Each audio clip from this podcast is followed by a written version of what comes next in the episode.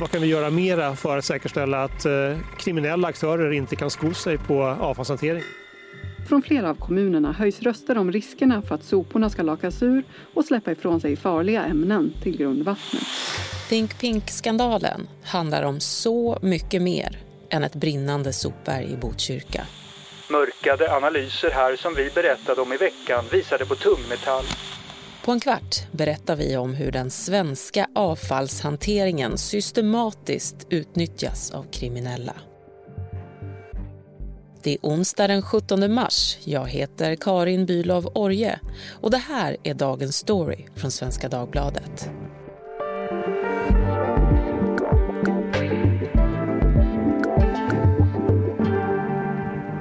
Mattias Ståhle är prisbelönt reporter på SvD Näringsliv och han har granskat hur kriminella tjänar stora summor på avfall.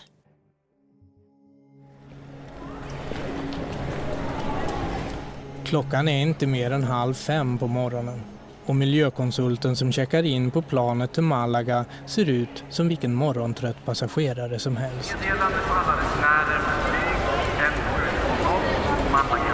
Landningen beger sig kring 37 han är solbränd, vältränad med rakat huvud och tunt skägg. I incheckningsdisken visar han upp ett pass tillhörande en 12 år äldre man utan att någon reagerar. Sedan går han igenom säkerhetskontrollen och sätter sig i vänthallen. Och där sitter han när polisen griper honom.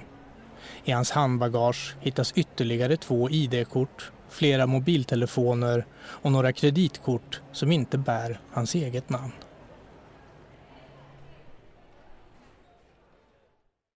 Vem är den här Arlandamannen och varför är han så intressant när du och jag ska prata om miljöfarligt avfall? Därför att han är en person som sitter som, som spindeln i nätet i hanteringen av, av miljöfarligt avfall i Sverige. Alltså han har då varit konsult. Han har jobbat åt Think Pink som är ett av Sveriges större avfallsbolag. Han har samtidigt jobbat åt flera andra avfallsbolag och transportbolag. Han har kontakter i byggsvängen. Han förefaller ha kontakter med privata markägare som mot betalning kan upplåta sina tomter för hel eller delförvaring av avfall från byggsvängen. Och han har också ett brottsligt förflutet. Det ser faktiskt ut som om han skulle kunna bli nyckeln till en fråga som polisen har ställt sig väldigt länge. Alltså hur ser kopplingarna mellan avfallsbranschen och den organiserade brottsligheten ut? Dagen innan julafton larmas räddningstjänsten. 75 000 ton avfall som dumpats på den övergivna avfallsavläggningen Kagghamra i Botkyrka söder om Stockholm brinner. Röken ligger tät och de boende i området är oroliga. Är den farlig? Miljöorganisationer är eniga. Branden är Sveriges största pågående miljökatastrof. Det hela blir snart en följetong med handfallna kommunpolitiker, mörkade testresultat, protesterande Botkyrkabor och en avvaktande räddningstjänst. Nu är sopberget täckt av sand. Men under pyr fortfarande elden. Men det rättsliga efterspelet mot Think Pink, bolaget som dumpat soporna, det har bara börjat. Det här avfallet kommer ju från väldigt stora delar av Sverige. Alltså det, det, är ett väldigt, väldigt stort och centralt bolag och framförallt ett väldigt uppmärksammat och populärt bolag får man ju säga. De har ju till och med fått pris för sin avfallshantering. Mm. Och den här miljökonsulten då på Arlanda, vad har han med det här att göra? Ja, av det som har framkommit i utredningen så visar det sig att de har ju anlitat honom för hjälp med tillståndsprocesser. Alltså det är han som ska se till att de har rätt tillstånd för att deponera soporna eh, och avfallet de gör sig av med på rätt sätt och bara på anläggningar som har rätt att ta emot det. Och så har ju uppenbarligen inte skett enligt eh, åklagaren. Och det här man hoppas hoppas nu att den här Arlandamannen, hans eh, affärskopplingar, hans kontakter han har haft ska kunna vara en sån kartläggningsmöjlighet? Ja, Och det är ju viktigt att, att poängtera att det här är ju en förhoppning eller en arbetshypotes från eh, polisens och åklagarens sida. Därför att åtal är inte väckt i de här grövsta bitarna. Eh, det finns ingen dom mot honom heller. Men man ser ju ganska tydligt om man tittar i hans historia att han har rört sig i de här kretsarna tidigare. Och när man tittar på hur Think Pink-utredningen började med att man hittade nedgrävda giftiga sopor på en åker i Värmland där säger ju åklagaren själv att det här var startskottet för det som sen blev Think Pink-utredningen. Och den förmedlande länken mellan de här två fallen, det är just miljökonsulten. Det var igår som polisens insatsstyrka slog till mot återvinningsföretaget Think Pink. Företaget tros ha grävt ner byggavfall på olika platser i landet istället för att återvinna det. Ägaren, Bella Nilsson, kallar sig Queen of Trash. Hon häktades misstänkt för miljöbrott under tisdagen. I medierapporteringen så är det ju först och främst Bella Nilsson och hennes man som pekats ut som ansvariga för eh, de här potentiella bedrägerierna och miljöbrotten eh, som verkar ha pågått kring Think Pink. Men det finns alltså fler lager i det här.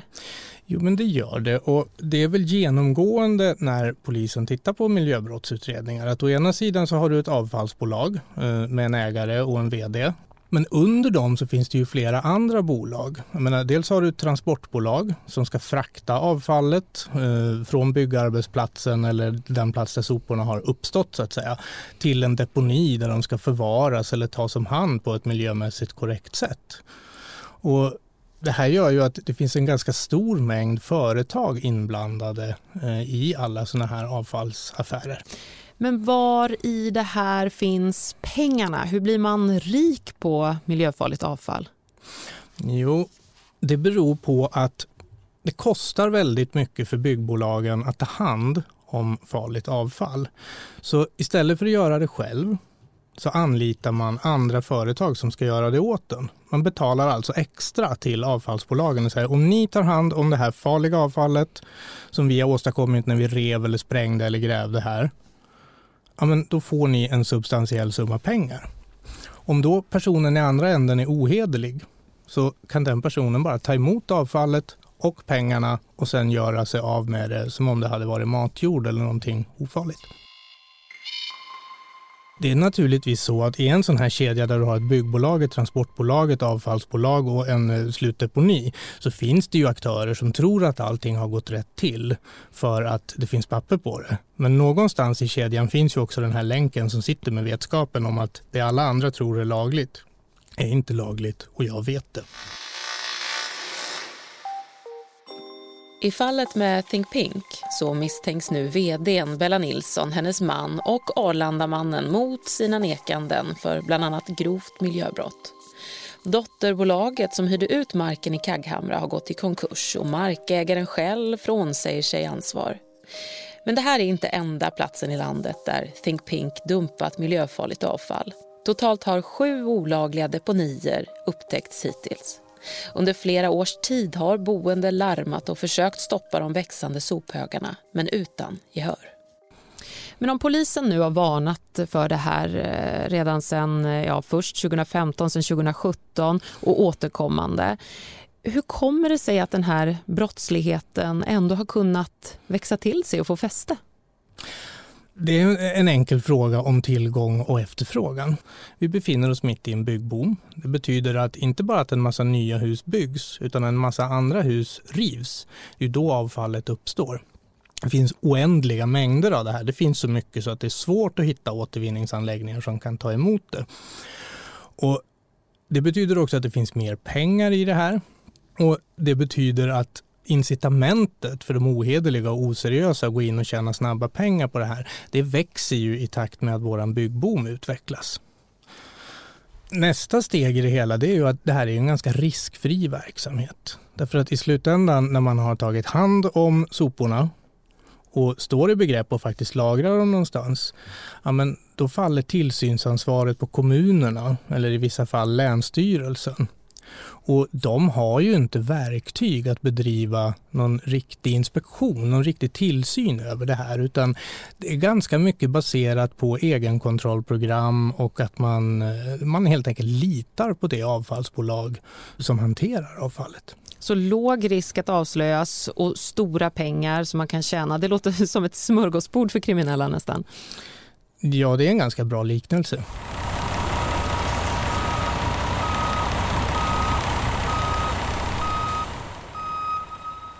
Och vilka är det vi pratar om när vi pratar om organiserad brottslighet som tjänar pengar på våra sopor?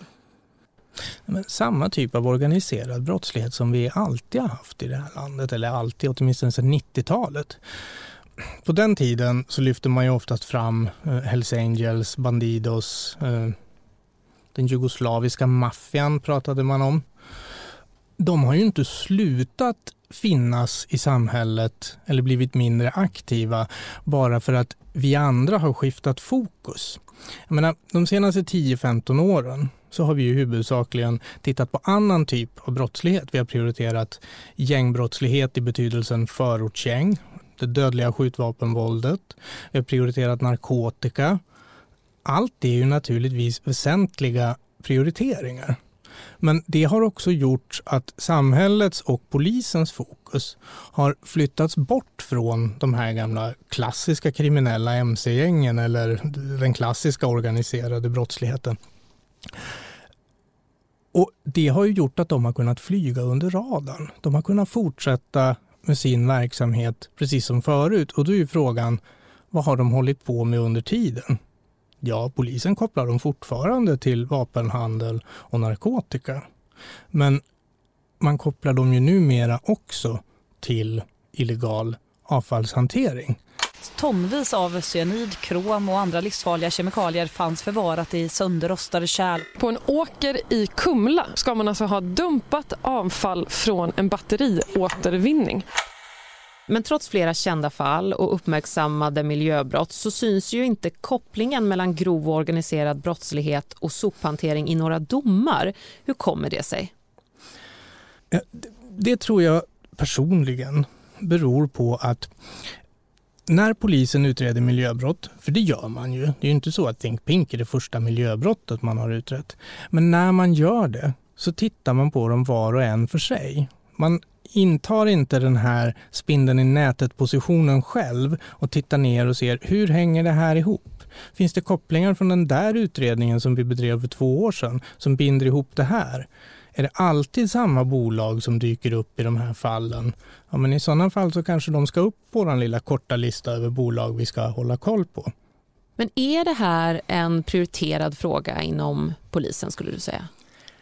Ja och nej. Alltså prioriterad så tillvida att polisen för flera år sedan förstod att det här är viktigt. Det är någonting som är up and coming.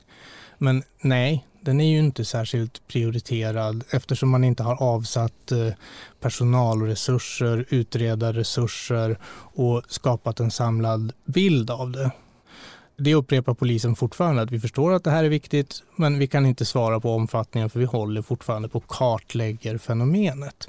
Ja, vi har tagit fram en, en rad förslag nu för att kunna göra någonting åt den här allvarliga avfallsbrottsligheten som tydligen utnyttjar en del kryphål som finns i lagen. Regeringen vill alltså att kommuner ska kunna ta pengar i pant för framtida sanering ifall avfallet inte tas om hand på rätt sätt. Man föreslår också att hårdare krav ska kunna ställas på hur snabbt bolag ska återvinna och att det ska bli förbjudet att flytta avfall mellan kommuner. Tror du att de här åtgärderna kan göra någon skillnad? Nej, i grund och botten så tror jag inte att de kommer att göra någon skillnad på problemet i stort.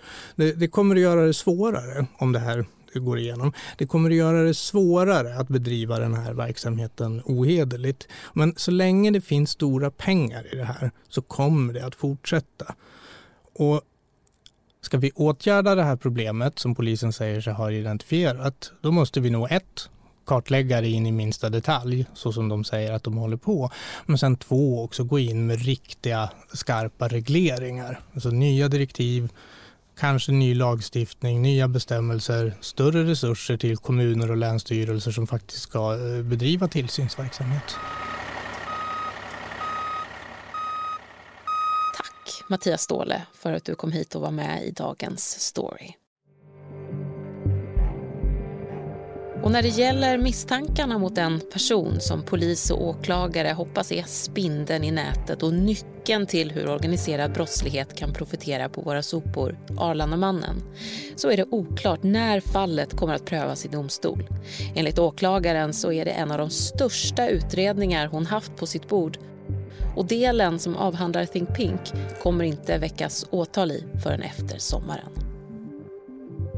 Vi som gjorde programmet idag var producent Daniel Persson Mora, redaktör Maria Gelmini och jag heter Karin Bylov Orje. Dagens story från Svenska Dagbladet ger dig djup och perspektiv på de viktigaste nyhetshändelserna. 15 minuter varje vardag.